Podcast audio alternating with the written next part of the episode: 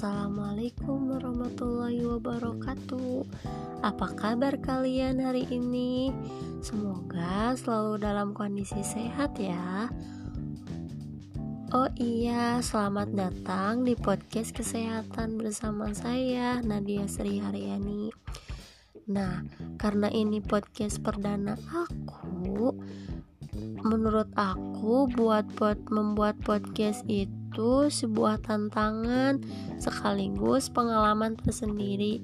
Loh, kenapa? Ya karena aku baru pertama kali bikin podcast.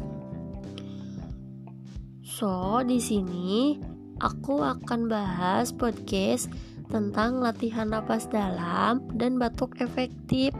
Gak cuman itu doang kok, aku juga akan bahas tentang postural drainase.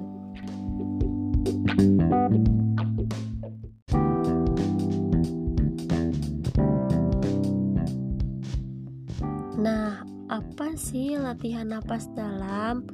Nah, latihan napas dalam itu yaitu bernapas dengan perlahan dan menggunakan diafragma sehingga memungkinkan abdomen terangkat perlahan dan dada mengembang penuh.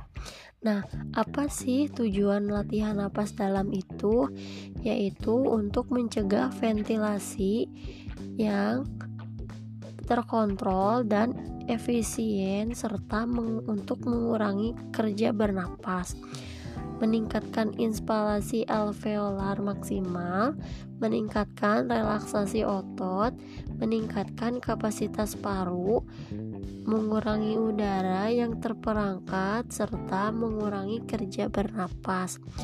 Nah, bagaimana sih cara pelaksanaan latihan napas dalam? Pertama, verifikasi data pasien. Kedua, mencuci tangan terlebih dahulu dan jangan lupa menggunakan masker. Ketiga, menjelaskan tujuan dan prosedur pelaksanaan kepada pasien. Keempat, mengatur posisi yang nyaman bagi pasien dengan posisi setengah duduk di tempat tidur, di kursi, atau dengan posisi berbaring dengan satu bantal. 5. Memfleksikan lutut pasien untuk mereleksikan otot abdomen. 6. Tempatkan satu atau dua tangan pada abdomen tepat di bawah tulang iga. 7. Tarik nafas dalam melalui hidung, jaga mulut tetap terbuka, hitung sampai 3 selama inspirasi. 8 konsentrasi dan rasakan gerakan naiknya abdomen sejauh mungkin. Tetap dalam kondisi rileks dan cegah lengkung pada punggung. Jika ada kesulitan menaikkan abdomen, ambil nafas secara cepat, nafas kuat lewat hidung. 9. Kemudian hembuskan lewat bibir seperti meniup dan ekspirasi secara perlahan dan kuat sehingga terbentuk suara hembusan tanpa mengembungkan pipi. 10. Konsentrasi dan rasakan turunnya abdomen dan konsentrasi dari otot abdomen ketika ekspirasi. Hitung sampai 7 selama ekspirasi. 11. Gunakan latihan ini setiap kali merasakan napas pendek dan tingkatkan secara bertahap selama 5 sampai 10 menit 4 kali dalam sehari. Latihan ini dapat dilakukan dalam posisi duduk tegap, berdiri maupun berjalan.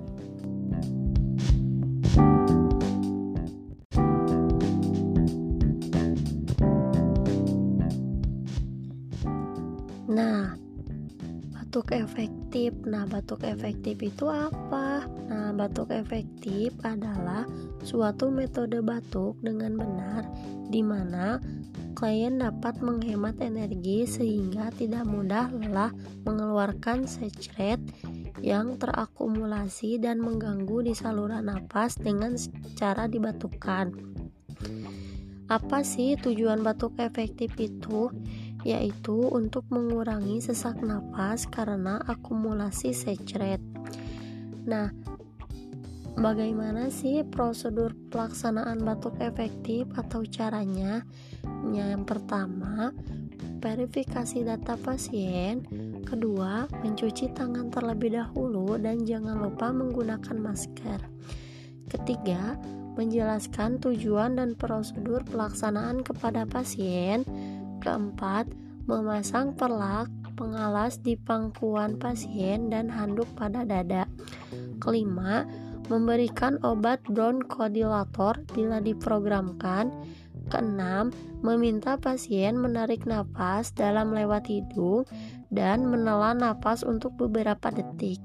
Ketujuh, meminta pasien batuk dua kali, batuk pertama untuk melepaskan mucus dan batuk kedua untuk mengeluarkan secret.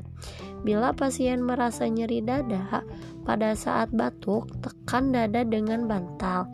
8. Menampung secret pada sputung pot yang berisi lipsol. 9. Membersihkan sekitar mulut dengan tisu.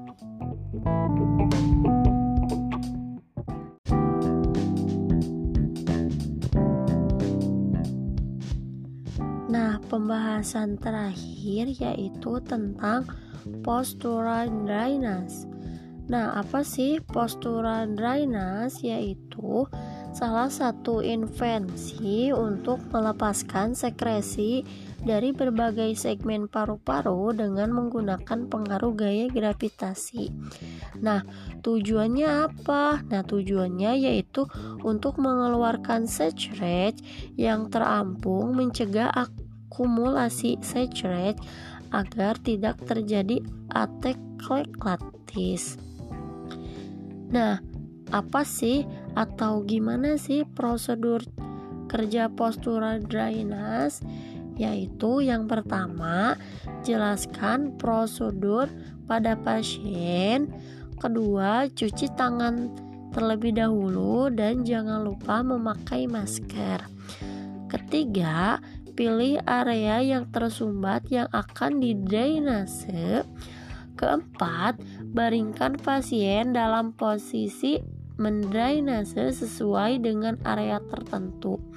Kelima, minta pasien mempertahankan posisi selama 10 sampai 15 menit. Keenam, selama 10 sampai 15 menit, drainase pada posisi ini Lakukan perkusi dada, vibrase dan gerakan IG di atas area di drainase. 7. Minta pasien duduk, nafas dalam dan batuk efektif dan tampung sekresi yang dikeluarkan dalam wadah yang bersih. 8. Bila pasien tidak bisa batuk, harus dilakukan pengisapan. 9. Berikan tisu untuk membersihkan sputum. 10. Minta pasien untuk beristirahat dan berikan minum. 11. Cuci tangan. 12. Jika sputum masih belum bisa keluar, maka prosedur dapat diulangi kembali dengan memperlihatkan kondisi pasien. Cukup sekian podcast kali ini. Kurang lebihnya mohon dimaafkan. Wabillahi taufik wal hidayah. Wassalamualaikum warahmatullahi wabarakatuh.